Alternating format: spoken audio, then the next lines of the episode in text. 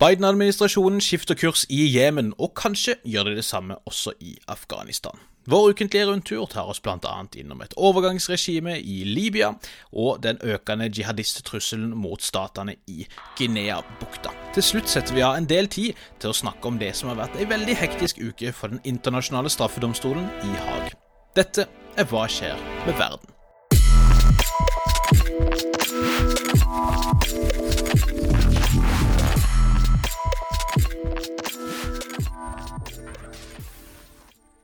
Hei og hjertelig velkommen til en ny episode av podkasten Hva skjer med verden? Denne podkasten for deg som er interessert i det som rører på seg innen internasjonal politikk, krig og fred, og alt det rotet et sted midt innimellom.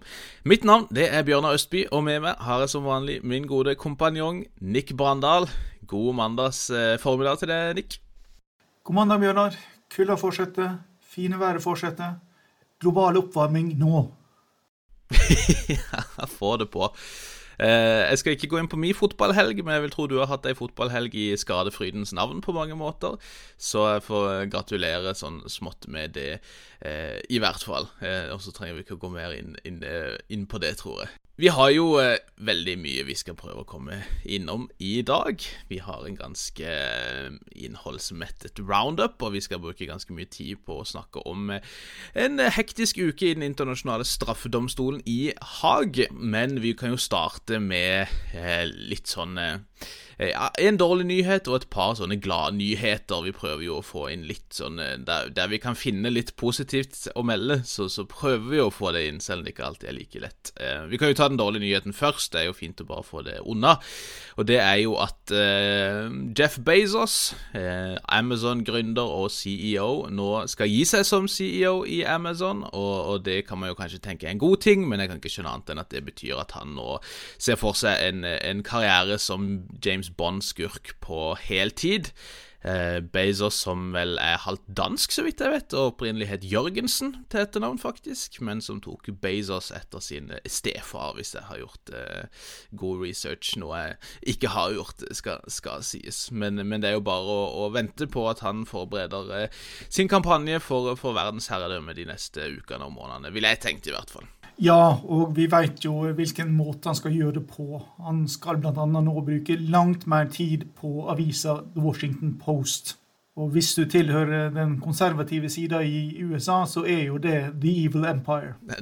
Det, kan du på mange måter si. Eh, vi har prøvd å få med oss et par glade nyheter. Min glad glade nyhet denne uka det er at eh, Pfizer, denne vaksineprodusenten, har funnet veien til Irak. Det vil si, eh, ikke vaksiner nødvendigvis, men, men, nå kan vi melde om at eh, en falafelsjappe kalt Pfizer Falafel endelig er åpen i eh, Irak. Jeg er ikke sikker på i hvilken by, så derfor eh, får leite litt. Jeg ville holdt en knapp på, på eh, Bagdad i utgangspunktet, men, men, det tenker jeg jo er en, en aldri så liten eh, gladnyhet. Alt av sånne bootlegga type fastfood, kaffesjapper og lignende, de, eh, de, heier vi på. Det gjør i hvert fall Annik. Eh, du har funnet en liten eh, gladnyhet, du også?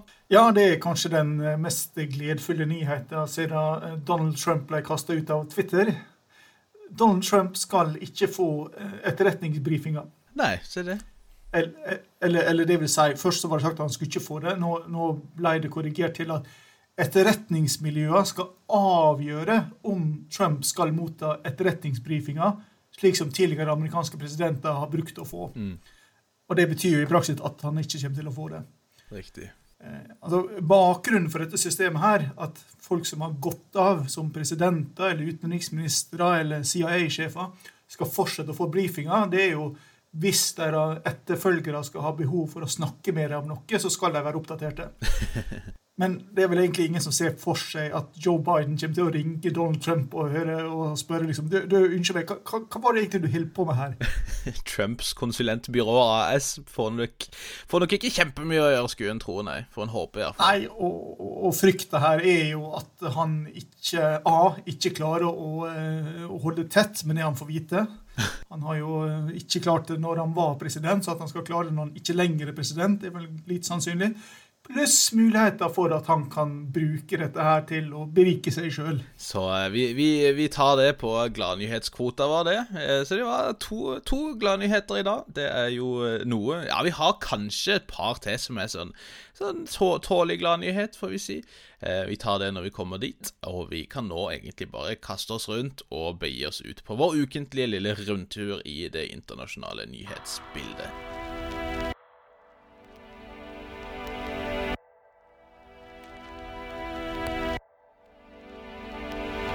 Ja, det er nye tider i USA. Det er nye folk. Det er nye eh, skuffer som skal fylles med dokument osv. Og, så og um, da har de jo foreløpig begynt stort sett med å prøve å gjøre om på det det gamle regimet holdt på med, Bjørnar. Og det inkluderer jo Afghanistan. Ja, det er jo eh, en hel rekke ting, både nasjonalt og spesielt kanskje internasjonalt, som Biden-administrasjonen prøver å reversere, som du sier. Og, og vi skal komme innom flere av disse tingene i denne episoden.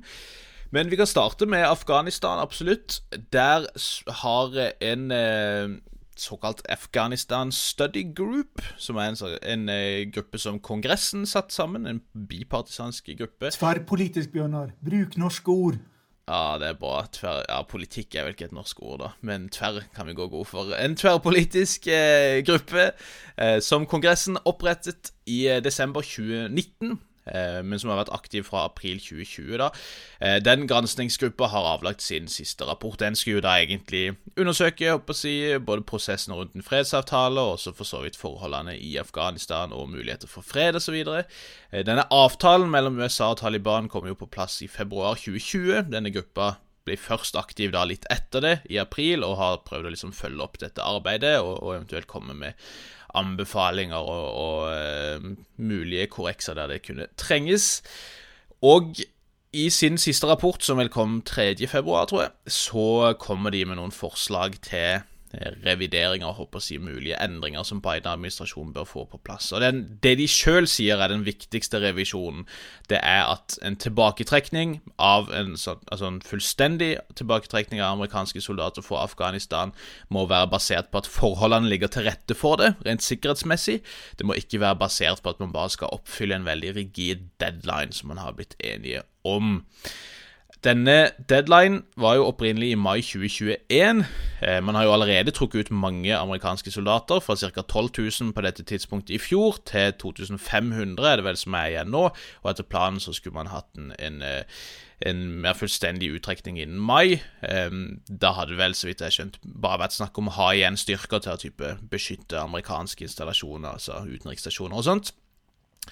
Eh, men nå anbefaler altså denne eh, tverrpolitiske granskingsgruppa at man rett og slett avventer med å trekke seg tilbake, og heller ser an situasjonen. Og, og, rett og slett da prøver å utsette denne egentlig endelige fristen i mai.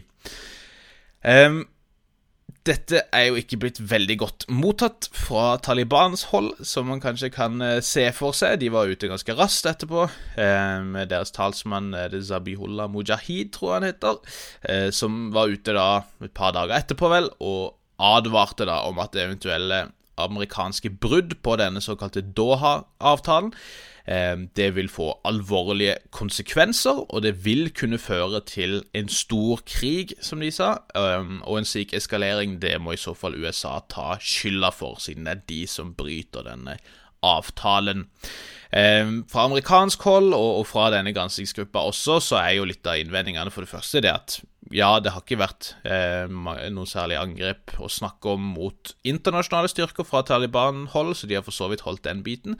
Men det har vært masse angrep mot eh, nasjonale sikkerhetsstyrker, og det er fortsatt snakk om at Taliban ikke i stor nok grad har eh, holdt sine løfter om å sørge for at andre internasjonale terroristorganisasjoner ikke skal kunne operere på afghansk jord. Det står ikke eksplisitt i avtalen at de skal ta avstand fra Al Qaida, selv om det åpenbart er det som ligger implisitt der, altså at de skal hindre slike grupper i å operere og planlegge angrep osv. på afghansk jord. Og, og, både fra um, FN-land, som er unevnte, men som har kommet med bekymringsmeldinger, og også fra amerikansk hold, så har jeg snakket om at de har ikke egentlig brutt noe særlig med Al Qaida, eller liksom eh, ja, gjort mye for å endre på det forholdet der, så også det blir brukt inn der i denne skepsisen mot å trekke seg ut.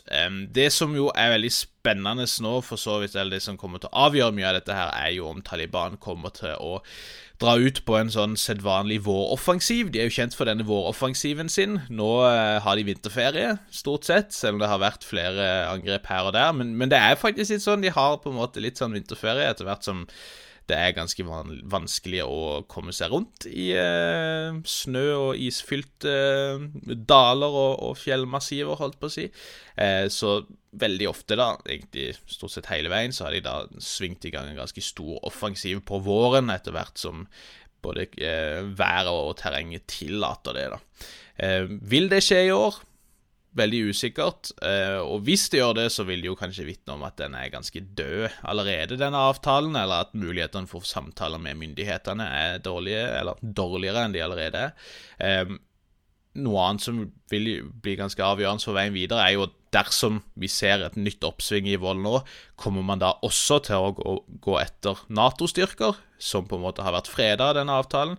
Eh, I så fall så vil jo det også være en ganske klar indikasjon på at denne avtalen som Trump-administrasjonen fikk på plass, ikke holder spesielt godt. Så det blir eh, veldig spennende å se hvordan dette utvikler seg, og så tror jeg det er viktig også å bare understreke det at jeg tror ikke på noe tidspunkt denne avtalen som Trump-administrasjonen fikk fremforhandla, egentlig prioriterte fred i Afghanistan, men først og fremst prioriterte å beskytte amerikanske og Nato-liv i første instans, og så på en måte håpe at afghanerne kanskje kan finne ut av det selv i etterkant. Foreløpig så har disse intra-afghanske samtalene såkalt ikke kommet noen særlig vei, fordi at man stadig vekk er uenig om hva som skal være rammene for eh, samtalen, og, og det er stadig vekk lekkasje fra begge sider og påstander om at der Taliban lenge har sagt at de ikke egentlig ønsker politisk makt, mer enn liksom religiøs innflytelse, så snakker de seg imellom om at de vil kreve at statens leder, eller statens fremste leder i hvert fall, skal være fra Taliban osv. Så, videre. så det er ganske tråkigt akkurat nå. Ja, altså Dette feller jo inn i uh, det mønsteret som Trump satte opp med å trekke til seg tilbake igjen fra, fra flere land. Og, og Biden frøs jo også tilbaketrekning av 12 000 mann fra Tyskland denne veka. Og eh, det er fortsatt usikkert på hva som skjer med de styrkene som ble trukket ut av Somalia. Fordi de er jo ikke tilbake i USA, de står fortsatt i Kenya. Ja. Eh, dette er jo kampen mot eh, Shabab. og mm. Det er visse ting som tyder på at Biden-administrasjonen kan sende disse inn igjen. Ja. ja. og det er et veldig viktig poeng du nevner der også. dette med, altså, Vi har snakka om det dette flere ganger, disse mytene om Trump som en sånn fredspresident og sånn. Men også de som liksom henger seg opp i Jo, men han har jo trukket styrker tilbake og sånt. Så er det liksom Nei, ofte så har han ikke det. I Somalias tilfelle så har man simpelthen flytta de til noen av nabolandene i en periode. Primært Kenya, men jeg vil anta også eh, til Etiopia delvis, der man har dronebaser. Um, og, og, det samme kan man si i Syria, for, eksempel, uh, for så vidt også, når, når de uh, trakk seg tilbake og tillot Tyrkia å, invadere kurdiske områder i nordøst.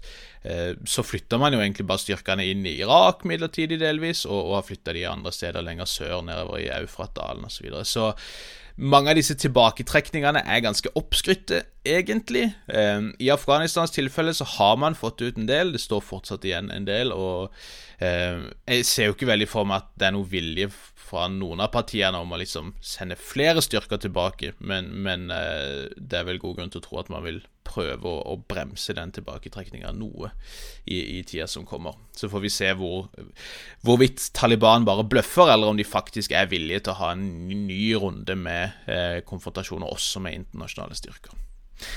Libya er et land vi ikke har snakka så mye om på ei god stund, litt fordi at det har vært en våpenhvile på plass der. Vi snakka litt om den i, i høst, vel i oktober tror jeg den kom på plass. Det man da kalte en permanent våpenhvile, som hadde blitt fremforhandla med FN-hjelp.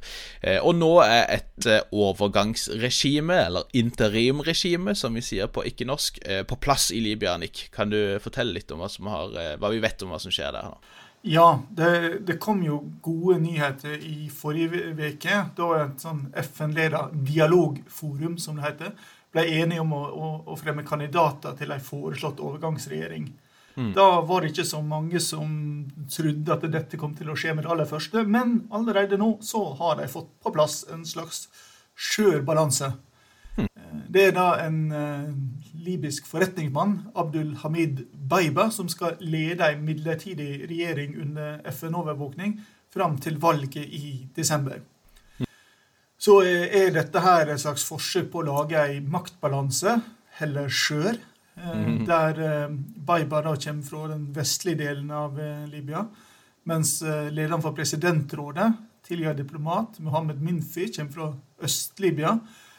Og så er de sørlige delene representert av Musa al-Kuni. Og eh, tredjemann er en sånn eh, ja, ikke så veldig kjent, men, eh, men forholdsvis nøytral og, og ukorrupt eh, Abdullah Hussein al-Lafi. Så er det flere kommentatorer som har eh, uttrykt en viss skepsis fordi at eh, viktige grupper, og ikke minst viktige ledere for grupper, fraksjoner, har blitt satt på sidelinja. Mm. Det er jo særlig da Fatih Bashaga, som har store nettverk internasjonalt, men også regionalt og lokalt, og ikke minst når det gjelder å kontrollere milisjaene. Eh, han var jo sentral Milits heter det på norsk. Ja, milits. Ja, bra, vi, vi, bra vi kan rette hverandre og jobbe for å opprettholde det norske fagspråket. Eh, nei, altså eh, Bashaga har, var jo sentral i det forrige, forrige regime, eller altså det som har sittet siden, siden oktober, mens de har forhandla. Uh, og uh, ja, det er forholdsvis korrupt. Det er vel det er ikke noen annen måte å si det på. Og Det gjelder også en annen som ble satt på sidelinja, nemlig Agila Saleh, uh, som har stor innflytelse i øst, østlig Libya. Altså Begge to er upopulære, begge to er korrupte, men dersom du skal få til en varig avtale, så er det vanskelig å se for seg at det kommer ut av om dem. Kan jo bare nevne veldig kort at Libya på en måte lenge nå, egentlig etter eh, Gaddafis regime falt i 2011, har vært splitta egentlig mellom primært på en måte vest og øst. At du har hatt ei regjering i Tripoli kalt The Government of National Accord, som da FN formelt har liksom anerkjent som den offentlige eller offisielle representanten for Libya. Og så har man hatt såkalte House of Representatives i Øst-Libya, basert i Tobruk, mener jeg på. Um, og det er jo på vegne av den gjengen der at denne generalen Halifa Hafta da kjørte en uh, offensiv som starta i 2019 og inn i 2020 for å prøve å ta Vest-Libya også, og Tripoli. Det ble han jo hindra fra til slutt, mye pga. en tyrkisk intervensjon på eh, Government of National Accords i side, um, og, og, man endte jo opp egentlig mer eller mindre med en sånn eh, um, stalemate, eller, eh, eller, fastlåst stillstand, skal vi si det sånn, på, um, eh, på fronten, som, som, da på en måte har, har eh, gitt framvekst til eh, disse forhandlingene etter hvert, og, og, dette forsøket på å løse det. Ja, og veldig mye her handler jo om fordelinga av oljeressurser. Mm. Det, er jo, det, er jo, der de store inntektene kommer fra i Libya. Ja iallfall inntil landet blir så stabilt at de kan begynne å satse på turisme. Mm. Det er visstnok et av de virkelig gode matlandene å reise til for de som er interessert i slikt. Men okay. uh, inntil, inntil, videre så anbefaler vi ingen i å, å legge ferien til, um, til Libya. Nei, nei, nei. Uh, så er jo Baiba også ikke helt fri for beskyldninger om korrupsjon og så videre, og Han kommer jo fra en familie som var tett på Gaddafi-regimet i sin tid. og har drevet med pengevasking og massmisbruk og korrupsjon osv. Så, videre. mm. så eh, ja. ja. eh, og, og, og, igjen, du nevnte jo Haftar, og, og han er jo også en X-faktor her. altså Ingen vet jo hva, hva han vil gjøre her. Nei. Og ingen vet hva Tyrkia og Russland vil gjøre her. Mm. Eh, vi, det vi vet, er at tidsfristen som ble satt for å trekke ut de utenlandske leiesoldatene, 23.1, altså for nesten 14 dager siden, den ble ikke overholdt av noen av partene. Nei.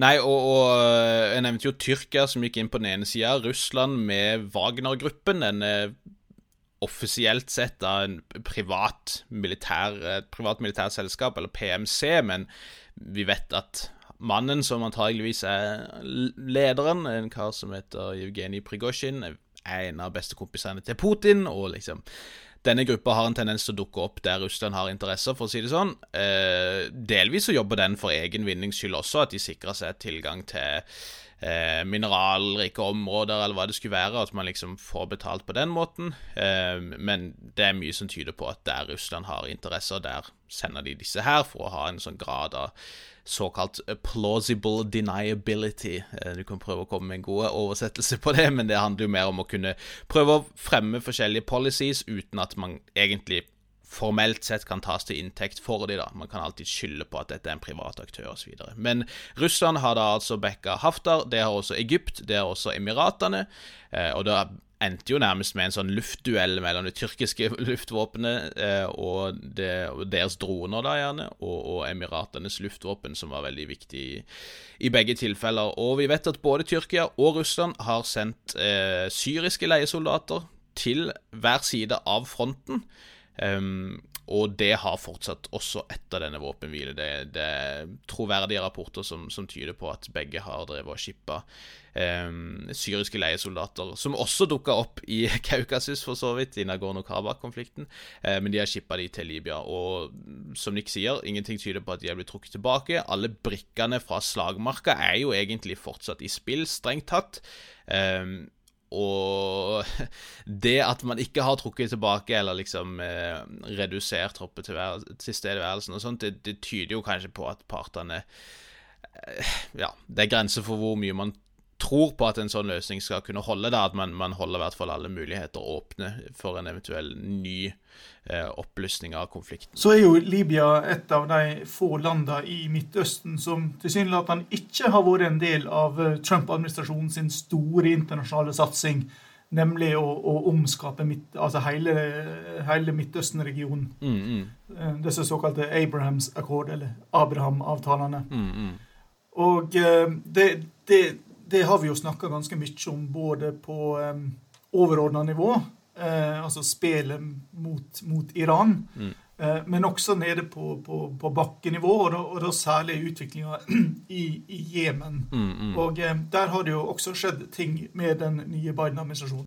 Ja, definitivt. Jeg kan bare skyte inn veldig kjapt akkurat med Libya. Så har det vært litt sånn uklart hva USAs posisjon var. Det var litt sånn snakk om at de i det stille egentlig sympatiserte med Haftar, fordi han visstnok har eh, tatt noen militærkurs i Uniten back in the day, så jeg lurer på om han faktisk har eh, dobbelt statsborgerskap og, og, har et amerikansk statsborger på si også, syns jeg jeg har lest. Eh, men, men, at de liksom ikke har hatt noen sånn veldig klar policy der, og så skjønner de nok at det er middelhavsstater eh, som eh, Frankrike og Italia delvis som har med. De skulle ha sagt inn mot, mot Libya, gjerne. da. Eh, I tillegg til at Tyrkia og Russland allerede fikk definere utfallet der i stor grad. Men for å dra til Jemen, ja. Det har skjedd noen viktige ting der. Jemen var jo noe av det siste som eh, Mike Pompeo og Trump-administrasjonen eh, rota med. Faktisk dagen før Biden-administrasjonen trådte til, 19.1, så eh, valgte man jo å terrorliste Houthi-bevegelsen. Disse jemenittiske opprørerne som eh, støttes av Iran, og som på en måte har inngått i en slags proxy-konflikt med USAs allierte i, i Saudi-Arabia og delvis i De eh, forente arabiske emirater. Eh, det som starta som en nasjonal konflikt da, mellom myndighetene og houthiene, det eskalerte jo ganske fort til å bli en, eh, slags regional konflikt, der Saudi-Arabia da i 2015 eh, intervenerte og, og danna en koalisjon sammen bl.a. med De forente arabiske emiratene for å prøve å støtte myndighetene i kampen mot houthiene og der, følgelig også mot Iran, da, for å si det sånn. Den koalisjonen har jo vært ganske skjør, og, og Emiratene har delvis støtta noen separatister, og det har vært mye rør frem og tilbake, men USA har jo da, under Obama-administrasjonen i 2015, da egentlig eh, støtta denne koalisjonen. De har bidratt med eh, våpen som trengs, og eh, har da sånn sett vært med på å sponse drapet på tusenvis av mennesker, mange av de sivile, som følge av da ganske sånn eh, eh,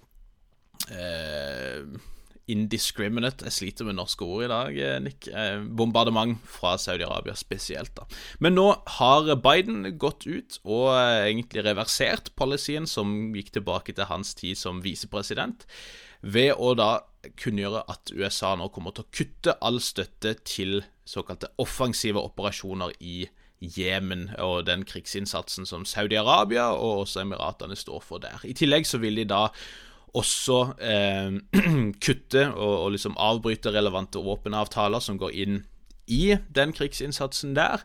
Um, og så er det også snakk om at man skal revurdere noen nye våpenavtaler som var tenkt å, å Altså noen um, forsyninger som skulle selges uh, for flere milliarder dollar, delvis til Eller til Emiratene var det snakk om tjuetalls milliarder dollar. Til Saudi var det snakk om sånn som 750 millioner dollar i, i bomber og lignende, som vel skal egentlig skulle finne sted i april, men som det kanskje også blir en ny runde på, i hvert fall hvis vi skal kutte på den fronten her så kan det virke litt vanskelig kanskje å forsvare og likevel selge våpen. Eh. Men det skal sies at Biden-administrasjonen var ganske tydelig på at der de kutter i støtte til å liksom distansere seg fra krigføringa i Jemen, så støtter de fortsatt Saudi-Arabia og Saudi-Arabias rett til å eh, forsvare seg selv mot Iran og mot Irans proxyer. Og jeg så Senest for eh, en halvtimes tid siden kom det melding om at Saudi-Arabia visstnok har, har, skutt ned en eh, Houthi-drone som visst var på vei inn i saudi-arabisk luftrom. og Vi har jo sett hvordan dette Aramco-oljefeltet ble eh, angrepet av enten droner eller missiler som Houthiene tok ansvar for. da for vel halvannet års tid siden. Så man vil fortsette å støtte Saudi, for så vidt, og det har eh, Saudi-Arabia takka høflig ja til, og sagt at de setter pris på at de i hvert fall liksom ikke distanserer seg fra Saudi-Arabia og deres utenrikspolitikk så sådan, men, eh, men det er tydelig at man ønsker å ut av Jemen. I tillegg, og kanskje desto mer viktig egentlig, så har man valgt å droppe denne terrorstemplinga av houthiene, høres ut som. Eh, eller man har sagt at man kommer til å gjøre det, i hvert fall. Eh, dette var jo det som skjedde den 19. januar, da, der, der Pompeo sa at nå var houthiene satt opp på terrorlista til USA. Og det høres jo kanskje fair nok ut. Det er en gruppe som eh, har eh, plenty med svin på skogen og har stått for masse forbrytelser. Og det at man fjerner denne terrorstemplinga, betyr jo ikke på noen måte at man nå liksom plutselig sympatiserer med det, eller noe sånt. Dette handler egentlig mer om byråkratiske forviklinger, å si, og at man gjør det fryktelig vanskelig for forskjellige nødhjelpsorganisasjoner å sende inn forsyninger til Jemen hvis den terrorstemplinga står, nettopp fordi at houthiene faktisk eh, regjerer i mange av de mest folkerike områdene, og at mye av denne nødhjelpa da må gå via de. Um, så Derfor var man redd, og både fra FN-hold og fra andre humanitære aktører, så var man redd for at USA indirekte kunne egentlig forverre den voldsomme humanitære krisa. Det er noe sånn som 80% av befolkninga trenger nødhjelp. Men nå ser det ut som man forhåpentligvis kan få reversert det, og har sett også FN gått ut og, har gått ut og sagt at dette er noe de, de, støtter opp om, for å si det sånn. Ja, så, så, er det interessant at uh, når Biden holdt en tale til, uh, i, i, det amerikanske utenriksdepartementet altså den, den, var jo ikke lansert som en sånn uh, stor politikktale, men som en sånn nå, nå, er vi tilbake-en-tale. Så sa han at det som skjedde i Jemen, var ikke bare en humanitær katastrofe, det var også en strategisk katastrofe. Interessant. Ja, og, og, det peker jo mot at eh, det som nå skjer, altså endringer i amerikansk politikk, også handler om de større geopolitiske uh, tinga i regionen. Mm, mm, mm. Og uh, det er mye som tyder på at det å få på plass en ny atomavtale med Iran står veldig høyt oppe på agendaen til den nye administrasjonen. Ja, ja, og jeg tror det, dette med Jemen kan, kan, definitivt, som du har foreslått, også leses inn i en sånn kontekst da, at det kan være en måte å prøve å, å få litt mer tillit eh, hos Iran, rett og slett. Ja, og eh, dette var jo det som sto øverst på agendaen når Anthony Blinken hadde videokonferanse med utenriksministrene i, uh, i Tyskland, Frankrike og Storbritannia i, i, helga. og der hadde han med seg en av rådgiverne sine, nemlig Robert Malley, som vi nevnte forrige uke, som er spesialutsending til Midtøsten, og dessuten en av strategene og arkitektene bak atomavtalen eh, når, når, den ble laga i sin tid. Eh, altså vi, For å bare ta en sånn kort eh, recap på den, så var jo eh, avtalen at eh, Iran skulle slutte å berike uran og prøve å utvikle atomvåpen. Altså De skulle bare drive med atomteknologi for eh, sivile formål, altså kraftproduksjon mot at en del sanksjoner, altså sanksjoner ble, ble løfta. Eh, og så gikk jo Trump ut av denne avtalen i 2018 og innførte nye sanksjoner.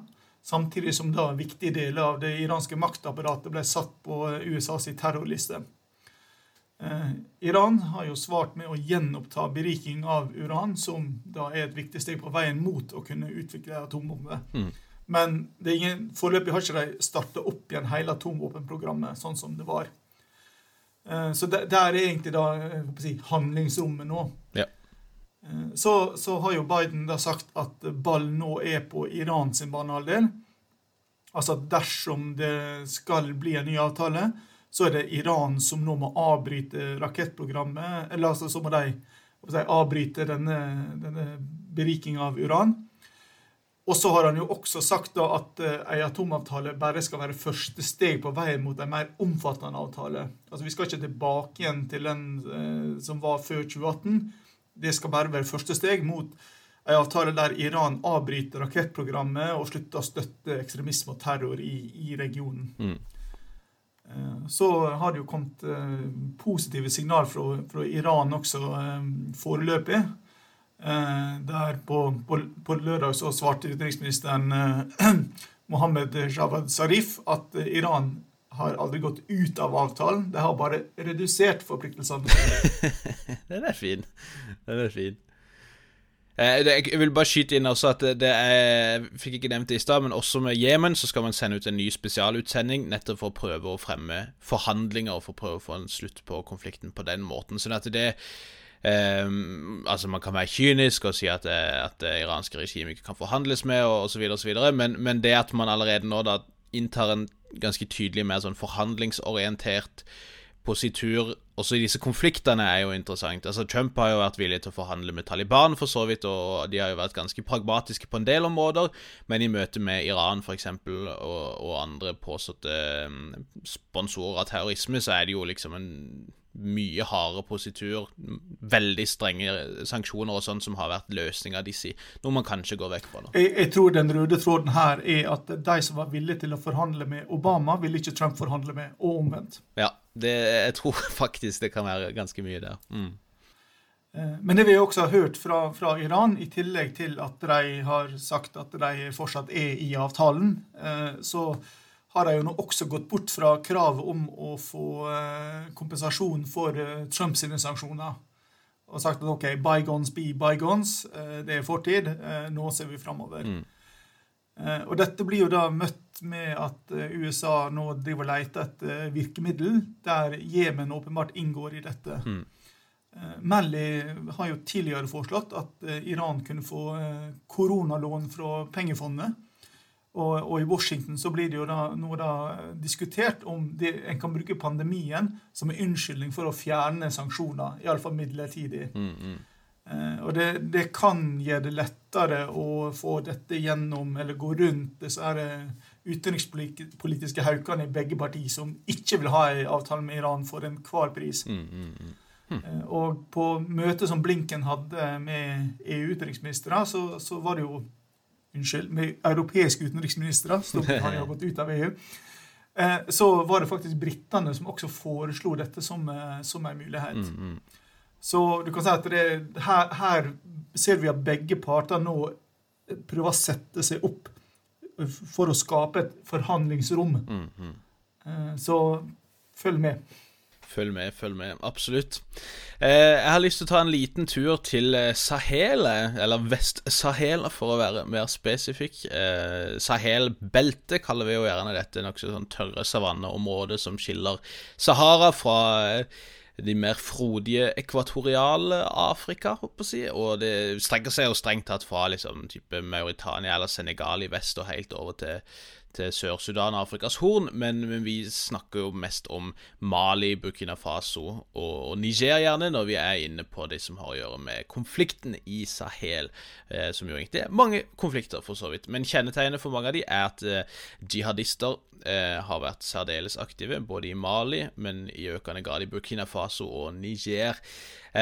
Og nå har eh, siste uka den franske utenriksetterretninga, DGSE, vært ute og kommentert eh, litt rundt eh, hva som skjer på jihadistfronten eh, i Sahel. Eh, ved å da publisere en film som de har fått tak i, visstnok gjennom en menneskelig kilde. Det er vel kanskje mer nærliggende å tro at de har tatt denne etter at de har drept noen av de som var på denne filmen, men de har tatt en film av et møte med, med noen av disse toppjihadistene i Sahel. I denne filmen så kan vi se eh, flere av de viktigste typene som har liksom dominert jihaden, kan du si, i Sahel i en årrekke nå. Vi ser eh, Amado Kufa, som eh, oppretta Makinas frigjøringsfront, og som i dag er nestleder i Al Qaida-organisasjonen Jenim, som er gruppen for støtte av islam og muslimer. Eh, vi ser Iyad Agali, som er på en måte hovedlederen i eh, Jenim, og som tidligere starta en opprørsgruppe som het Ansar Din, som folk kanskje har hørt om. Eh, han er en veldig kjent type tuareg-kriger, egentlig, og har vært involvert i tuareg-opprøret lenge, også før han, han eh, gikk inn i jihadistenes rekker, for å si det sånn. Og disse to lederne for Jenim har da blitt eh, filma i et møte med eh, deres antatte sjef, som vi på en måte nå bekrefter egentlig mange av båndene mellom Jenim og Al Qaida, nemlig en kar som het Abdel Malek Drukdel. Han var leder for Al Qaida i den islamske Maghreb, som er mer Algerie-basert, og, og, liksom i dette hierarkiet, kan du si, av jihadistorganisasjoner, så har da på en måte Jenim svart til Al Qaida i den islamske Maghreb, som siden da er på en måte linken til Al Qaida mer sentralt. Um, det blir mye navn her, altså, beklager det, men, men, sånn er på en måte det hierarkiet, basically. Så Jenim har sverga troskap til uh, Al Qaida, på en måte via Al Qaida i den islamske Maghreb. Um, og ifølge fransk etterretning så handler dette møtet her om planlegging av utvidelse av jihadistenes aktivitet lenger sørover, rett og slett. Nå er de veldig aktive i det området som gjerne kalles Liptako Gourma, som er dette triangelet, liksom grenseområdet mellom Mali, Niger og Burkina Faso. Men fransk etterretning da, i denne konferansen som de holdt, påstår at man her planla å utvide jihaden sørover til Guinea-Gulfen og statene langs der. De, de kaller gjerne 'littoral states' på engelsk, men altså statene som, som eh, de første man treffer på ved kysten. Og Da er det primært Elfenbenskysten og Benin, eller Benin, som noen vel sier, som eh, som de mener da er liksom de nye områdene man ønsker å utvide til, først og fremst. Men fransk etterretning påstår også at man har sendt eh, styrker mot grensene til Niger, Nigeria og til Tsjad, visstnok. Der er jo allerede flere av IS' grupperinger aktive, så der vil de jo i så fall få konkurranse. Ehm, men dette er for så vidt ikke noen ny påstand, egentlig. Altså Eksperter på området har jo vært bekymra lenge for at man vil prøve å spre aktiviteten lenger sørover, og det har vært flere angrep helt ned på grensene mot typ, både Benin, Togo, Ghana og Elfenbenskysten. Det har jo vært jihadistangrep i Elfenbenskysten for så vidt også. Men eh, da gjerne i hovedstaden og type mer på turistattraksjoner og sånt, og ikke altså, ja, regelrette terrorangrep, ikke bare liksom opprørsaktivitet, for å si det sånn. Um, så er det jo Man ser jo liksom denne dominoteorien vi kjente igjen fra Vietnamkrigen dukke opp, liksom. Hvis vi ikke beskytter disse og disse statene, så vil jihaden kunne spre seg videre og videre. Jeg har sett eksperter på det her være litt sånn skeptiske til at, liksom, at det vil skje. Altså, det er ikke liksom nærliggende å tro at jihadistene vil liksom kunne kontrollere svære områder i Vest-Afrika, men det man bekymrer seg for, er jo at liksom usikkerheten skal spre seg, om du vil, da. At, at, eh, at man skal få destabilisert større og større eh, områder, rett og slett. Eh, også for så vidt interessant å se at, eh, at um, man da her omtaler Iyad Agali, denne tuareg-krigeren som leder Jenim, som bin Ladens arving. Eh, noe som jo kanskje ikke antyder at vel, vel, fransk etterretning er veldig hyppe på å trekke seg ut av området. Det har jo vært snakk om nå? Hvorfor, eh, hvorfor, skal vi bruke så masse av våre styrker her? Det skjer jo ingenting uansett. Det går jo bare feil vei. Hvorfor ikke bare trekke seg tilbake og la de fikse det sjøl? Det har jo vært en debatt vi har snakka om de siste ukene. Men, men, det at man nå begynner å liksom kalle dette for nærmest bin Laden 2.0 av disse guttene her, det, det er jo en ganske sånn betydelig eskalering, tenker jeg, når det gjelder retorikkbruken, i hvert fall. da, Og, og um, noe som kanskje kan tyde på at, at militære og etterretninger tenker at dette ikke er noe vi kan dra fra med det første, og spesielt i og med at Al Qaida i den islamske Maghreb har hatt mye mer å gjøre med internasjonale type angrep enn det Jenim har. Jenim var jo ute nylig og sa det at Prøv å finne en malisk person som har stått for angrep i Frankrike. Du vil ikke finne det. Prøv å finne franske personer som har drept folk i Mali. Du vil finne en hel rekke, liksom vi skal ikke kødde med dere hvis ikke dere kødder med oss, basically. Eh, men, men, denne linken til Al Qaida i den islamske magrep vil jo kanskje komplisere det noe. Jeg kan nevne at han Drukdel, han lederen som ble avbilda her av Al Qaida i den islamske magrep, han ble selv drept i et fransk angrep i juni i fjor, så han eh, er nå erstatta, men, men, de linkene til den gruppa eh, er jo der fortsatt. Eh, det skjer jo ting med denne internasjonale innsatsen i Mali. Frankrike og Macron har jo prøvd å få spesielt EU-land til å ta mer av eh, dra mer av lasset der, sånn at Frankrike kanskje kan trappe ned litt. Per dags dato så har vel Frankrike noe sånn som 5100 styrker i sin intervensjonsstyrke der, som heter Operasjon Barkan, i tillegg til at man på en måte prøver å outsource en del av krigsinnsatsen til et internasjonalt eh, oppdrag kalt Takuba. Um, og allerede så er det på plass en del tsjekkiske og estiske styrker i dette oppdraget, og nå har også svenskene sendt sin siste kontingent på 150 stykk, som potensielt kan bli til 250 etter hvert. Ehm, der de da har sendt tre helikoptre, så vidt jeg har forstått, og disse styrkene, som da skal være med en sånn uh, hurtigreaksjonsstyrke. Noen av de skal være i mer sentrale områder, andre skal være ute i noen av de mest konfliktfylte områdene, og antageligvis måtte være med på en del potensielt da offensive operasjoner også på vegne av dette internasjonale oppdraget her. Eh, svenskene har allerede 215 soldater i eh, MINUSMA-oppdraget til Mali, eller 215 styrker, det kan hende noen av de er politistyrker, det vet jeg ikke. Eh, så, så, de er allerede til stede, egentlig. De Er, så da er det nok EU-linken, og mm, ikke Nato, for man har jo ikke medlemskap der, som, som har gjort seg rådende der. De prøvde jo å få med Norge, franskmennene. Det Ehm, ble det ikke noe av. Norge har jo et lite team i Mali som er, er tilknyttet en sånn rotasjonsstyrke i dette MINUSMA-oppdraget, der man da har et Hercules-fly som brukes til troppetransport og, annen type logistiske operasjoner. Så man har et lite team der nå, som da er nede i en periode, og så roteres ut igjen. Som vel er en løsning som Norge var med på å, å foreslå å opprette, så vidt jeg har forstått. Eh, men det er et veldig lite bidrag da, sammenlignet med altså hvis du ser på mengden styrker sammenlignet med, med f.eks. Sverige. Eh, det er også på plass 300 britiske soldater som går inn i dette FN-oppdraget, som jobber under kinesisk kommando, så det viser jo hvor innfløkte disse internasjonale oppdragene er. Man har masse forskjellige styrker. Man har FN-styrke, man har den franske intervensjonsstyrken, man har dette internasjonale, men franskledede oppdraget i Takuba. Man har det som heter G5 Joint eh, Sahel Force, som består av fem forskjellige regionale stater som er involvert. Eh, det er i det hele tatt masse forskjellige styrker og masse forskjellige kommandolinjer. Og i FNs tilfelle så er det da bl.a. britiske styrker som jobber under kinesiske kommandører og lignende. Så det er et utrolig innfløkt bilde. Det er vel ca. 14 000 medlemmer av denne, denne FN-styrka i Mali. De fleste av de eh, soldater, men også type sivile og politibidrag. Eh, litt over 5000 i franske, denne franske styrka, flere tusen i Sahel-styrka til disse regionale statene. Og likevel så er det en veldig sårbar sikkerhetssituasjon den dag i dag. Eh, så det er vanskelig å på en måte se noen sånne store suksesser, selv om franskmennene har vært veldig på offensiven og påstår å ha hatt litt sånn suksesser i det siste. da. Eh, I Burkina Faso kan vi bare nevne kort, har statsministeren åpna opp for forhandlinger med jihadistene og sier at alle store kriger har endt rundt et forhandlingsbord. Eh, resten av regjeringa der er visst ikke like hyppe på det, men, men, det er nok grunner til å tenke at kanskje forhandlinger med de i mer moderate jihadistene er en av de eneste måtene ut, eh, å komme seg ut av dette på. Så har det jo vært nyheter fra Haiti.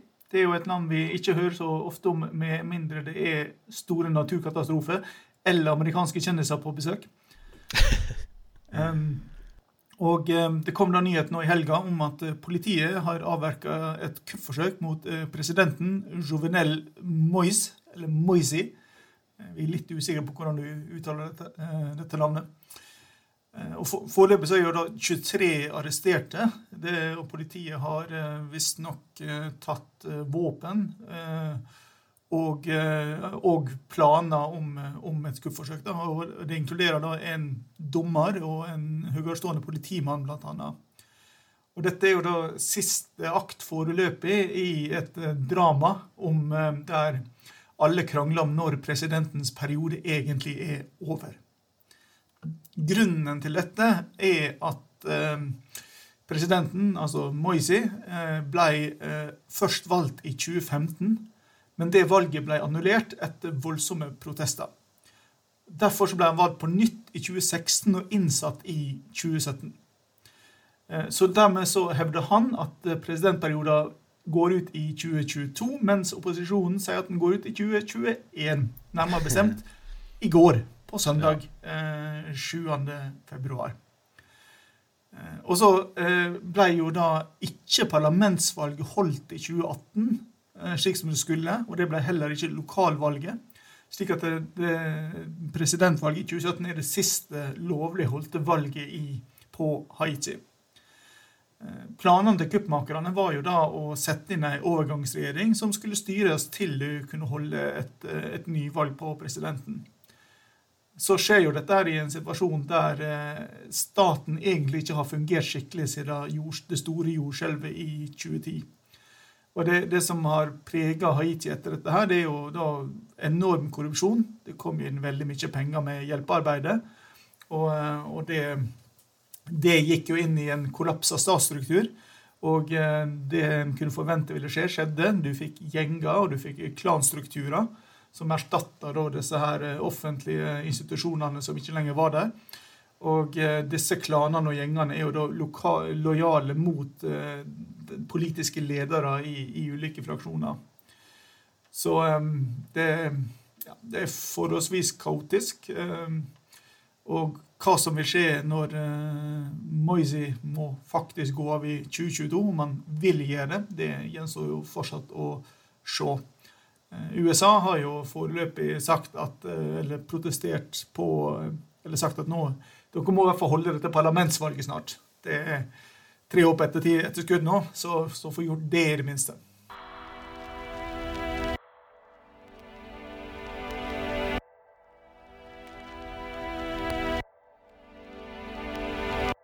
Avslutningsvis så har vi satt av litt tid til å snakke om ei heller hektisk uke i Den internasjonale straffedomstolen, der det har kommet eh, sak, nye saker på løpende bånd som har potensielt eh, ganske store konsekvenser.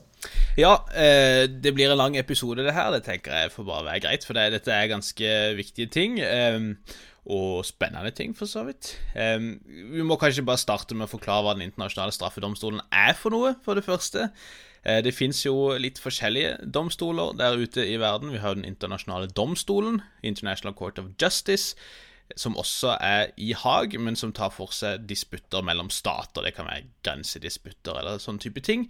Eh, man har Menneskerettighetsdomstolen i Strasbourg, som er under Europarådet, og så har man eh, da Den internasjonale straffedomstolen. Nå snakker vi mer i en vestlig kontekst, da, men vi har også Den internasjonale straffedomstolen, som ligger i Haag, og som er den nyeste av disse. Og Det er en domstol som tar for seg forbrytelser av typen krigsforbrytelser, forbrytelser mot menneskeheten og folkemord. Eh, og under dette her så vil man jo finne en rekke forskjellige ting, også type etnisk rensing og lignende. Og der Den internasjonale domstolen tar for seg statlige disputter, ehm, så tar Den internasjonale straffedomstolen, ICC, International Criminal Court, står det for, eh, den tar, kan dømme enkeltindivider for deres da, roller i eh, forskjellige typer forbrytelser. Det kan være å planlegge forbrytelser, det kan være å beordre de, det kan være å ha gjennomført de selv. Man kan ta eh, folk på en, en, rekke forskjellige stadier, håper jeg i, i en forbrytelses livsløp, om du vil. Um, men med dette, som med andre domstoler og, og internasjonale eh, juridiske dokumenter, så er man jo avhengig av en viss samarbeidsvilje fra stater. Så stater må jo da ratifisere det dokumentet som oppretter denne domstolen. Det dokumentet kaller vi for Roma-statuttene. Det kom på plass i 1998, eh, og da sier jo da hvilket mandat, hvilken jurisdiksjon denne domstolen har, hvilke ting den kan deale med. Og stater som da eh, forplikter seg til dette ved å ratifisere det dokumentet, de står da inn under denne domstolens jurisdiksjon. Eh, men så har man vel også muligheter til å ta eh, stater, eller altså enkeltindivider som handler på vegne av stater, eller seg selv i opprørsgrupper eller lignende, eh, for forbrytelser utjo, eh, utøvd på territorium til en stat som har ratifisert denne domstolen. Litt sånn innflukt, eh, men man har rett og slett flere måter å få tatt internasjonale forbrytere på, for å si det sånn.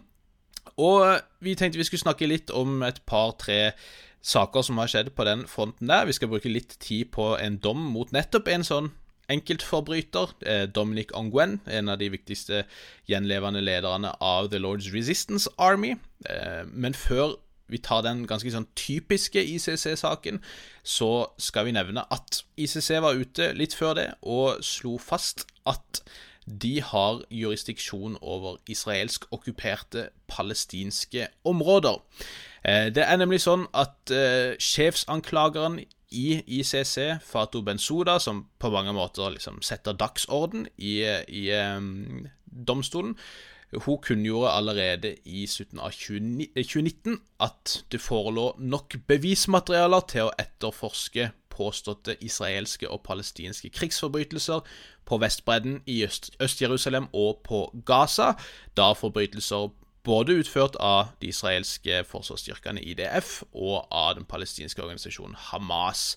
Da var det spesielt Gaza-krigen i 2014 man var interessert i, eller Bensoda flagga, eh, men også potensielt da den israelske bosetningspolitikken og de ulovlige bosetningene på Vestbredden, som jo etter eh, lov egentlig er eh, forbudte, da, ifølge Genévekonvensjonen fra eh, back in the days. Men så har jo spørsmålet da vært har ICC egentlig jurisdiksjon til å ta disse sakene her? For Palestina har observatørstatus i, i, i, FN siden 2012. De er ikke formelt et medlemsland. Det er jo mange som ikke anerkjenner Palestina som en stat. Eh, men de har observatørstatus, noe de brukte for å ratifisere og stille seg inn under Den internasjonale straffedomstolen.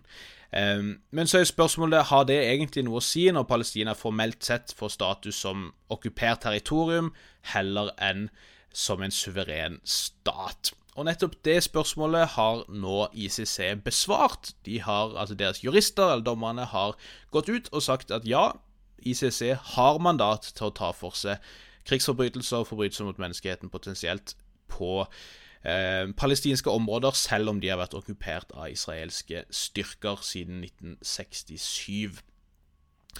Israel selv har ikke ratifisert domstolen, men det trenger ikke nødvendigvis å være et problem, siden man skal gå etter individer, og siden det gjerne er snakk om forbrytelser på Eh, formelt sett palestinsk territorium under israelsk kontroll.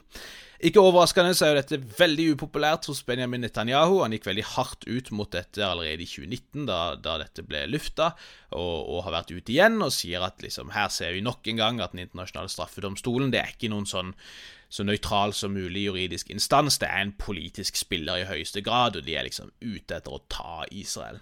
Um, han har trua med å, å sette i verk sanksjoner mot ICC og mot noen av dommerne der. Det gjorde jo Trump-administrasjonen. De, de hindra vel hun Bensoda for innreise fra USA på et tidspunkt, eh, da ICC kunngjorde at de ønska å granske potensielle amerikanske krigsforbrytelser i krigen i Afghanistan. Eh, Biden-administrasjonen sies å være nokså skeptiske til å skulle føre noen sånne saker mot Israel, samtidig som de visstnok da Eh, ønsker å revurdere disse sanksjonene som Trump-administrasjonen satte inn mot ICC.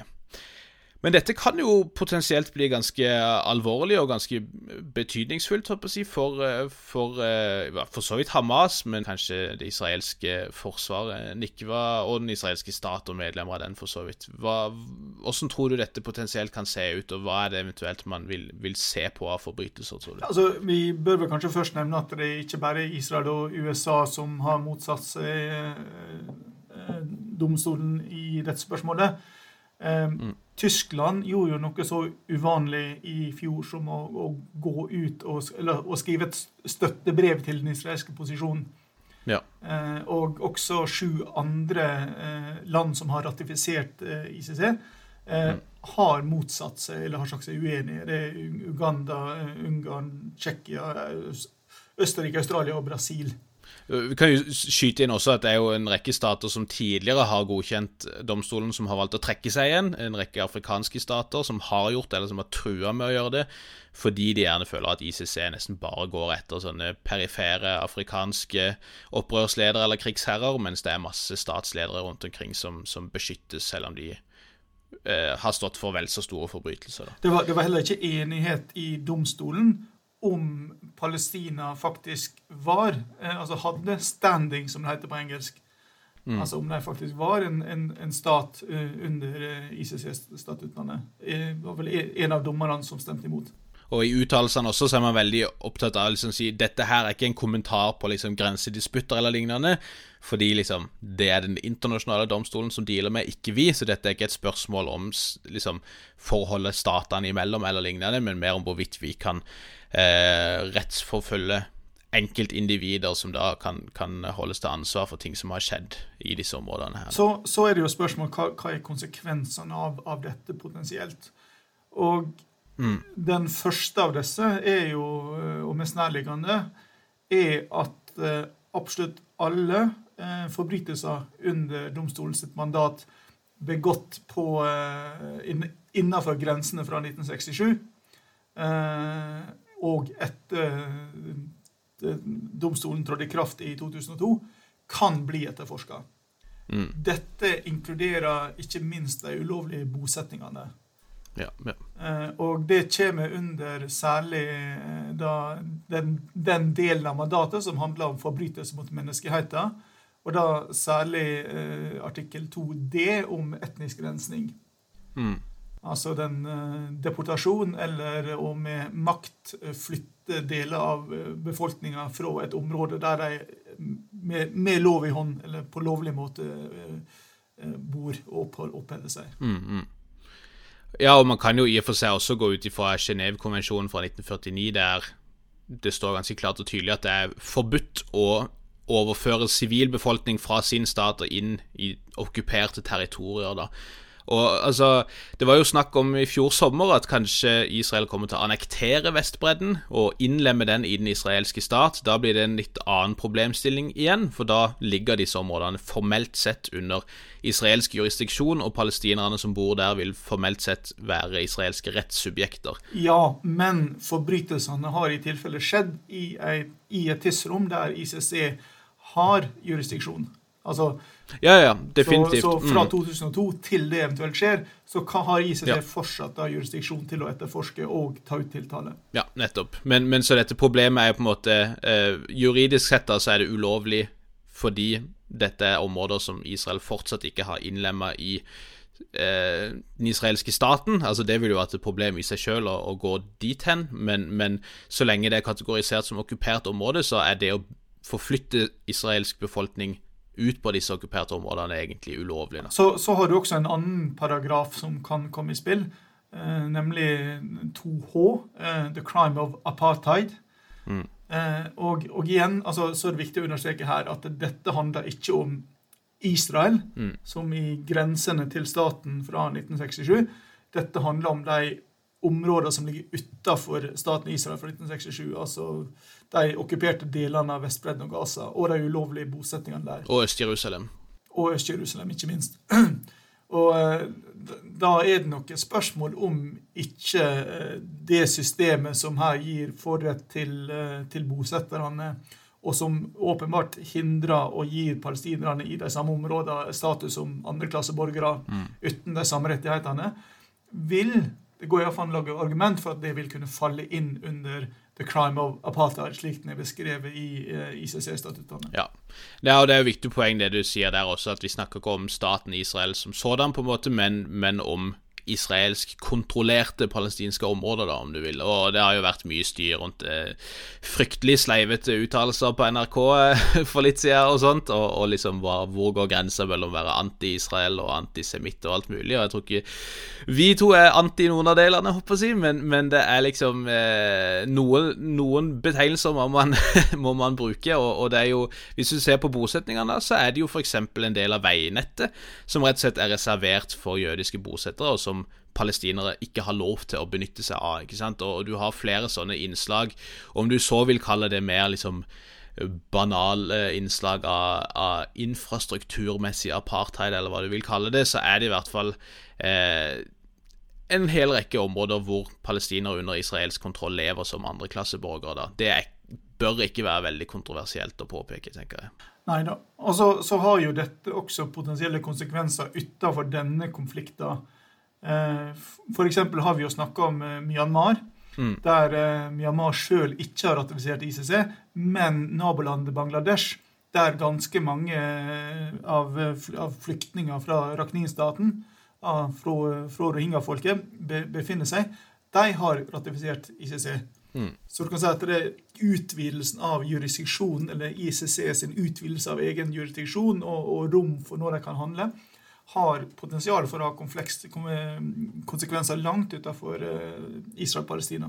Ja, og, og, så fort man begynner å få noen dommer eventuelt, så, så, vil man jo kunne ha en viss juridisk presedens for å gjøre dette igjen og, og lignende. Og, og, så er det så klart at dette vil ikke nødvendigvis kun slå utover IDF. altså Hamas har plenty forbrytelser og, som de står til ansvar for også, så, eh, så det er absolutt muligheter for at eh, hvert fall hvis man går inn på Gaza-krigen, at dette kan slå eh, begge veier definitivt. At man type da prøver å, å gå etter lederskap i Hamas, f.eks. Altså man, man, mener man har grunn altså der, der, man kan på en måte påvise at disse har beordra det ene eller det andre og lignende. Det er jo gjerne sånn man gjør det, at man zoomer inn på veldig sånne spesifikke enkelthendelser, enkeltangrep eller lignende, og, og, på en måte anklager noen for å ha beordra eller gjennomført eller planlagt eh, lignende. Mm.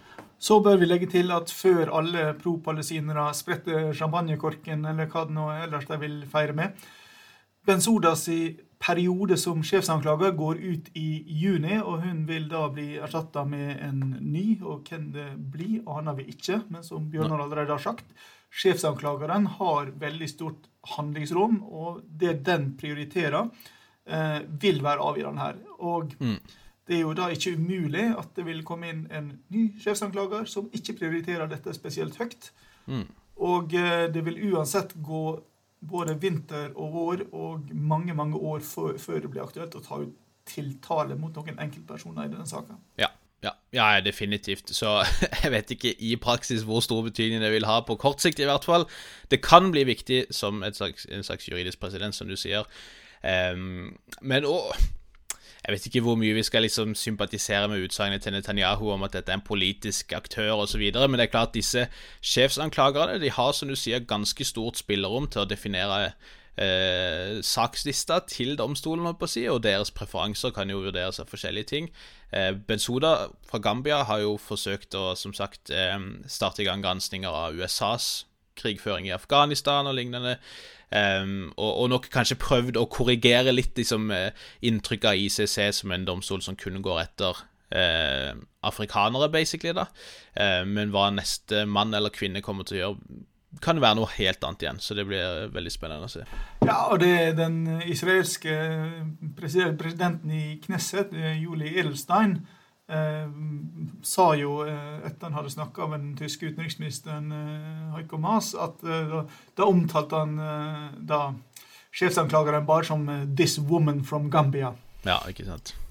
Heller, heller nedlatende. Ja, det, det, blir så dumt, vet du. Jeg kan for så vidt nevne, når vi er inne på uh, særdeles dyktige og innflytelsesrike afrikanske kvinner, at uh, Verdens handelsorganisasjon antageligvis også får sin første kvinnelige og sin første afrikanske leder veldig snart, fra Nigeria, etter Biden-administrasjonen. Uh, vel tilter mer i den retninga, der Trump-administrasjonen prøvde å få inn ei kvinne fra Sør-Korea, så vidt jeg har forstått. Men mens det kan ta eh, lang tid før vi får noen dom i eh, denne saka, så har vi faktisk fått en dom i ei anna sak. Det har vi. det har vi. Eh, mer spesifikt så er det en kar som heter Dominic Ongwen, som har blitt eh, dømt. Eh, og han er den første, det første medlemmet av The Lords Resistance Army fra Uganda, som da har blitt dømt. Eh, Ongwen var selv opprinnelig en barnesoldat. Han hadde blitt tvangsrekruttert inn i organisasjonen da han var rundt ti år gammel, sies det, før han nokså raskt seilte opp i denne opprørsgruppa og ble en av deres eh, fremste ledere. Eh, og var nevnt blant eh, totalt fem ledere på en arrestordre fra Den internasjonale straffedomstolen i 2005. Så arrestordren kom i 2005, dommen er falt i 2001. Han har vært i varetekt hos ICC siden 2015. Så disse tingene her, de tar tid, for å si det sånn. Men kanskje en liten sånn backgrounder på The Lord's Resistance Army først, bare sånn at vi liksom ikke snakker ut i et vakuum, men folk skjønner litt hva vi har med å gjøre. Eh, det er kanskje en gruppe folk har hørt litt om, faktisk. Josef Joseph Kony er deres leder. Det var jo en kampanje i var det 2012 eller noe om å gjøre Kony famous spektakulært mislykka og ganske håpløs greie, men det resulterte faktisk i at Obama-administrasjonen sendte inn amerikanske spesialstyrker til jungelen i Den sentralafrikanske republikk for å jage Kony. Uansett, The Lord's Resistance Army er ei opprørsgruppe som eh, vokste frem i Uganda i slutten av 1980-årene.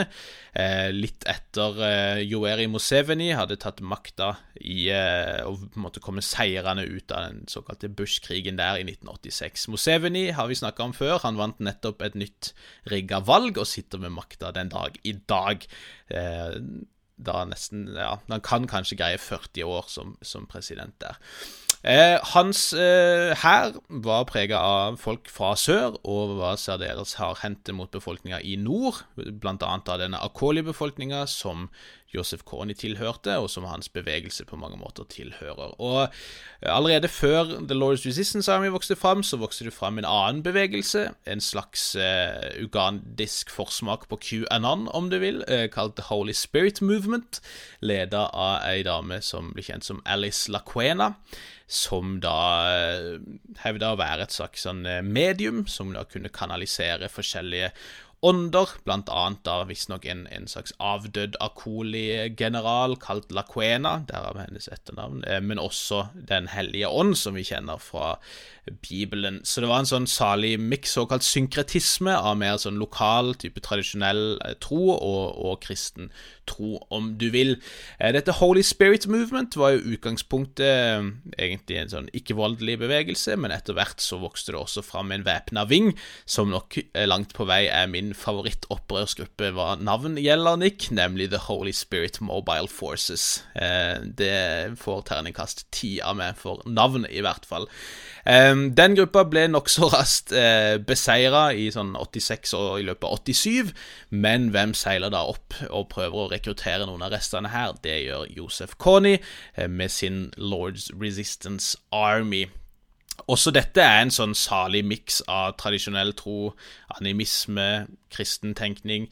Um, så formelt, altså offisielt, så, så skulle denne gruppa i opp har i hvert fall liksom kjempe for å bygge en stat basert på de ti bud osv., samtidig som han også hadde masse eh, input fra type Akoli-tradisjon og religion. Og Koni var jo kjent for å liksom skulle være delvis besatt selv av ånder, men også skulle være et sånn åndemedium der som kunne kanalisere forskjellige ånder i denne kampen mot eh, hærstyrkene, og både han og Laquena sin bevegelse gjorde jo, som man ser i mange forskjellige eh, væpna grupper i Afrika de skulle liksom bruke spesielle hellige oljer eller lignende for å bli udødelig i kamp. ikke sant? Om det er hellig vann, i dette tilfellet hellig olje, så ser vi dette i, i mange forskjellige konflikter, for så vidt. Om det er i Vest-Afrika eller Kenya eller Uganda eller Kongo eller andre steder.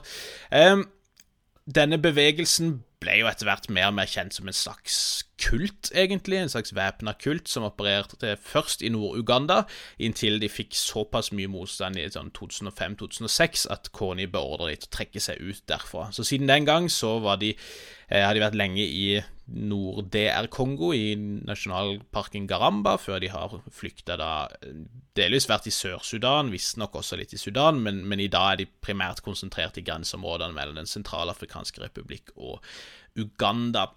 Denne gruppa her er jo kjent for flere ting. Den er jo veldig kjent for at de eh, bortfører spesielt barn, men også andre sivile som tvangsrekrutteres, enten til å være soldater eller til å gå og bære eh, forsyninger eller lignende. Unge jenter som tvangsgiftes eller brukes som sexslaver og andre forferdelige ting.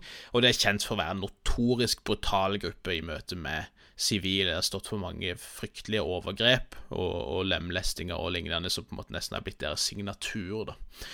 Eh, Ongwen selv sies å være blant da disse som ble tvangsrekruttert i ung alder, og så skal som sagt ha blitt rekruttert rundt 9 eller 10 år gammel. Andre ganger sier man 14 år gammel, kanskje. Men uansett så seilte han opp da fra en tvangsrekrutt til å bli en av topplederne i organisasjonen. Og etter da en veldig voldelig kampanje i Nord-Uganda eh, mellom sånn 2002 til 2005, så utstedte Den internasjonale straffedomstolen en arrestordre på fem av LRAs fremste ledere. Josef Kony, Dominic Ongwen og tre andre ledere. De tre andre er nå døde, så det er kun Ongwen og Kony, liksom toppmannen, som er igjen. Eh, og denne lavest rangerte mannen, Ongwen, ble da etter hvert arrestert.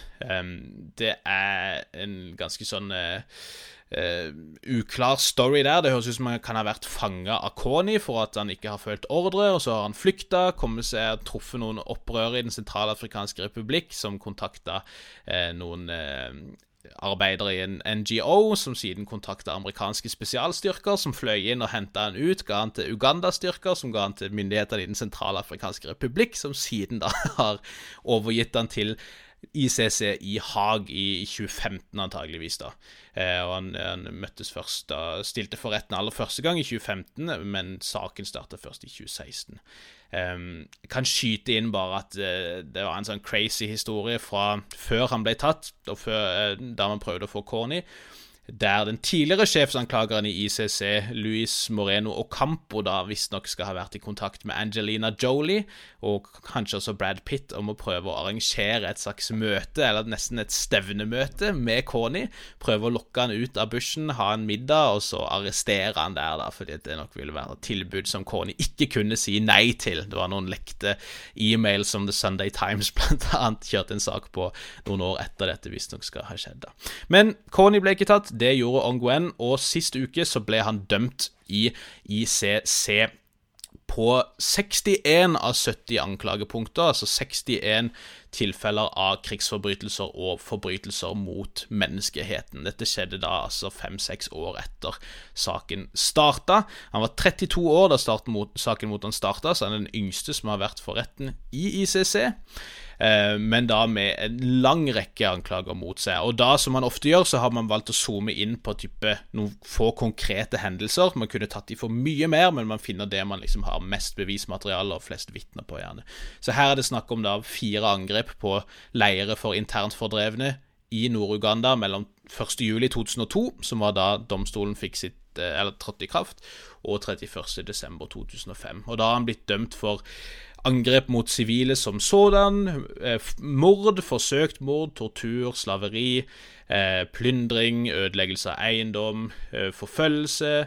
Dette da i forbindelse med disse disse angrepene på flyktningleirene, eller internt fordrevne, og så også et koldtbord av liksom eh, av forskjellig kjønnsbasert og, og, konflikt Eller ja, seksuell eh, vold, rett og slett. da. Eh, noe av det som han har beordra, men også noe av det som han personlig skal ha stått for mot sånne tvangs eh, koner og, og hjelpere. Eh, han har også blitt eh, anklaga for første gang. Er noen blitt dømt for tvungen graviditet, så det er faktisk ganske viktig også at det endelig har blitt eh, gjort dommer på det i ICC.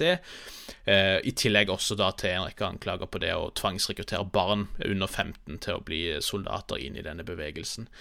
Um, Forsvarsadvokatene forsøkte å si at han har eh, lidd av psykisk sykdom og, og, lignende, men det ble avfeid. De mente det ikke var noen tvil om at han var tilregnelig da dette ble gjort. Tvert imot så sier man at han var en veldig dyktig og kalkulerende type leder. Um, så har jo vært litt diskusjon rundt sant, hvor går grensa mellom offer og overgriper her, eh, i og med at han har blitt brutalisert og antageligvis torturert da han ble rekruttert som et barn. Men, men eh, det er tilsynelatende ikke noe som domstolen har tatt inn over seg. Og eh, de har jo mulighet til å anke nå i løpet av en måneds tid, eh, men mest sannsynlig så blir jo dette her en ganske eh, Ja, ganske heftig dom til slutt. Romstatuttene som domstolen hviler på, de tillater ikke dødsstraff, men de kan tillate opptil 30 års fengsel, eller i spesielle tilfeller potensielt opptil livstid, da, uten at det er klart akkurat når det skulle være gjeldende. Eh, veldig kort så kan jeg nevne også at de har fått overgitt en, eh, nok en sentralafrikansk eh, aktør, denne gangen en kar som heter Mahamad Saeed Abdelkhani, som skal ha vært kommandør i den sentralafrikanske gruppa Seleka, eh, og som da antageligvis vil bli sikta for en rekke krigsforbrytelser i 2013, da konflikten i Den sentralafrikanske republikken sist var, var på sitt eh, voldeligste. Eh, det var for så vidt nettopp denne gruppa her, Seleka, som han visstnok skal ha overgitt seg til, denne Ongwen. Så kan vi jo så klart spørre om disse sakene her bare bekrefter disse typiske anklagene mot ICC, om at man bare går etter liksom perifere afrikanske krigsherrer, opprørsledere eller diktatorer. Um, og det kan nok gjøre det til en viss grad. Litt av grunnen er jo rett og slett at mange av disse har ikke så veldig mange venner lenger. At det, det er nokså enkelt å få til internasjonalt samarbeid om å, om å få tak på de da, rett og slett. Ja, så, så er det to gode grunner til at det ikke nødvendigvis er en feil strategi heller. Mm. For det første så koster denne domstolen ganske mye penger. Og hvis de skal få medlemslandene til å fortsette å betale for den, så må de få til resultat. Mm. Og, og, da er det en slags logikk i å gå nettopp etter lavthengende frukt. Mm, mm. Den andre det er jo nettopp at eh, ved å gå etter lavthengende frukt, så kan du få noen viktige eh, prinsippavgjørelser som nettopp dermed kan, kan, gjøre at du kan gå videre og bruke dette her til å, å, å dømme langt bredere etterpå. Mm, mm. Altså, Her ligger standarden. Dette her er rettsrommet vi håndterer oss innafor. Og, og, så kan du da gå etter vanskeligere saker fordi du har etablert en presedens. Ja. Det er der denne saka mellom Israel og Palestina er så interessant. Mm, nettopp. Og sånn som her, da, når man for første gang dømmer noen for tvungen graviditet, f.eks. At det, det, kommer hele tida sånne småting som setter en viss presedens, og som på en måte kan bli såkalt sedvanerett, da, hvis dette er noe som blir eh, normalisert på sikt. Ja, altså Det at en tiltale ikke er tatt ut, eller at etterforskningen ikke har begynt nå, betyr jo ikke at den ikke vil bli det. Altså, eh, nå, nå, husker jeg ikke i full fart hva foreldelsesstatutten er her, men for de fleste av disse, denne type forbrytelser i internasjonal lov, så er det jo ikke en foreldelsesfrist. Mm. Så man kan i prinsippet bli tiltalt når som helst. Ja. Og, og, det ser vi jo da at uh, vi har fått tiltale lenge, eller fått saker opp lenge etter handlinga har blitt begått. Ja. ja, ikke sant. Og sånn som han her, da. Han, han, er først i ICCs hender i 2015, men han dømmes for forbrytelser mellom 2002 og 2005.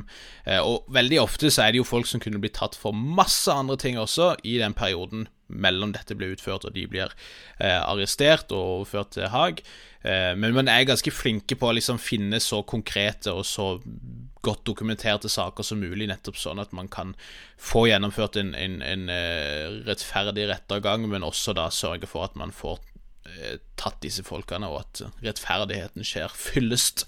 Eh, og så tror jeg det også er viktig, selv om jeg for så vidt sympatiserer delvis med liksom disse anklagene om at det kan fremstå ganske hyklersk av og til å bare gå etter sånne Eh, perifere typer sør for Sahara. Men, men, det er ganske viktig for å bekjempe den straffefriheten som har råda i en del afrikanske stater. Eh, det er ikke et unikt afrikansk fenomen i det hele tatt, men, men man ser ganske ofte, spesielt i afrikanske stater som hviler på en som patronasje heller enn på institusjoner, der, sta, der, lederne da basically regjerer ved å fordele ut goder og på en måte kjøpe lojalitet heller enn å, eh, benytte seg av de offisielle, formelle statlige institusjonene. Der ser vi ofte en sånn straffefrihet råde, hvor det er ganske vanlig at en politisk hvis vi vil kalle de entreprenør da, eh, noen fra den politiske eliten maner sine følgere til å ta til våpen.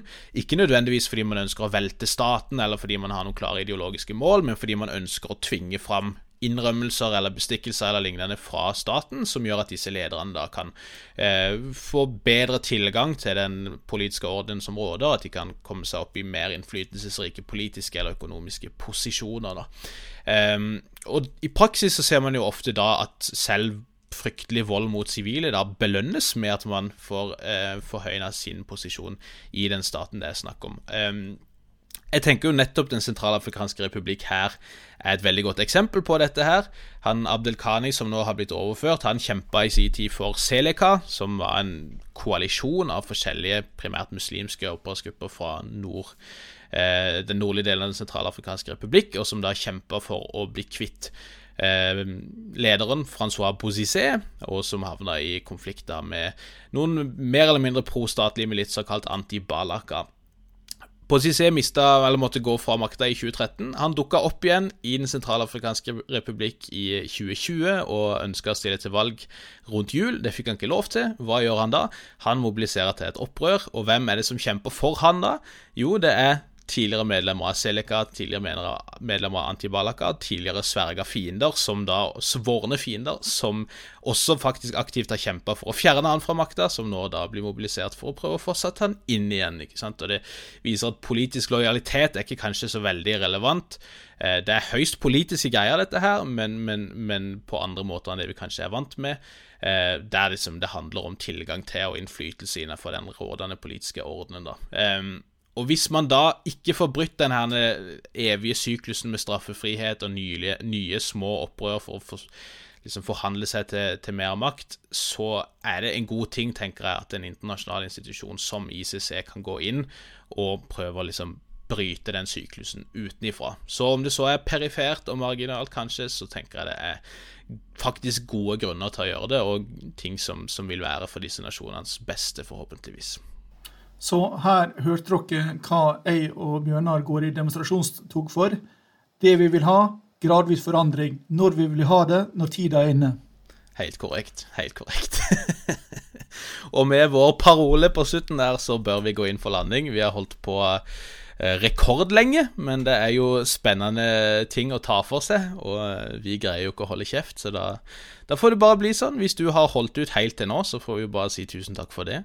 Um, og til de av dere som ikke har gjort det, så ja, vi, vi skal ikke si noe stygt om det, men uh, vi håper dere henger med. Uh, vi sier uh, takk nok en gang, vi, for følget. Takk til deg, Nick. Sjøl takk, Bjørnar. Det kommer til å være nye ting å snakke om neste uke, er det vel god sannsynlighet for, så vi høres igjen da. Takk for meg, takk for oss. Vi snakkes.